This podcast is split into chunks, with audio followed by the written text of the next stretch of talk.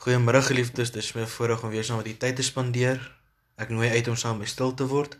Dan gaan ek vir ons saam lees Psalm 121. Daar staan: Ek kyk op na die berge, waarvandaan sal daar vir my hulp kom? My hulp kom van die Here wat hemel en aarde gemaak het.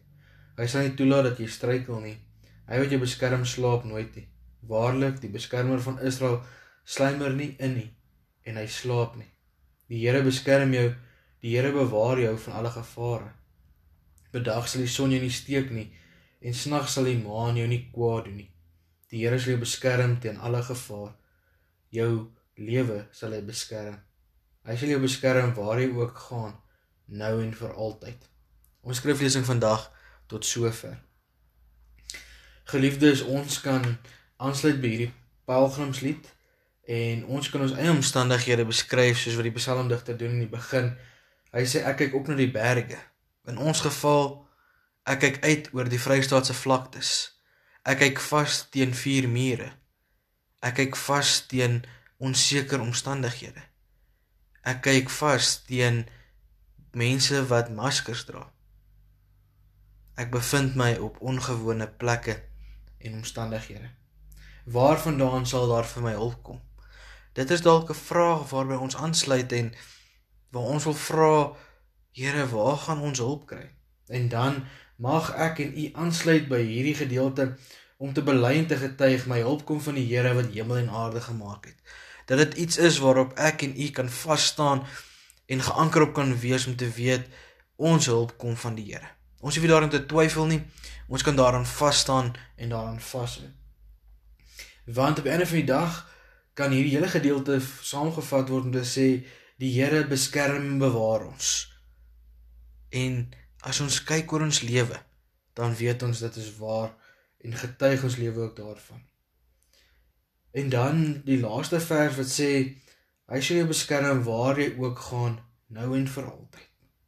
Geliefdes, mag ons herinner word en mag ons onthou dat die Here ons altyd sal beskerm.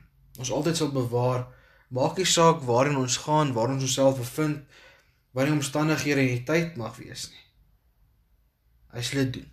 Nou vandag, maar ook in die toekoms wat ons nog nie van seker is nie.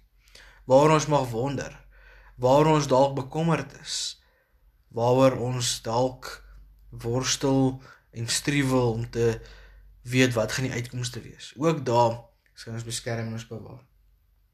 Hierdie is 'n Psalm wat kom beskryf dat die Here naby aan ons is.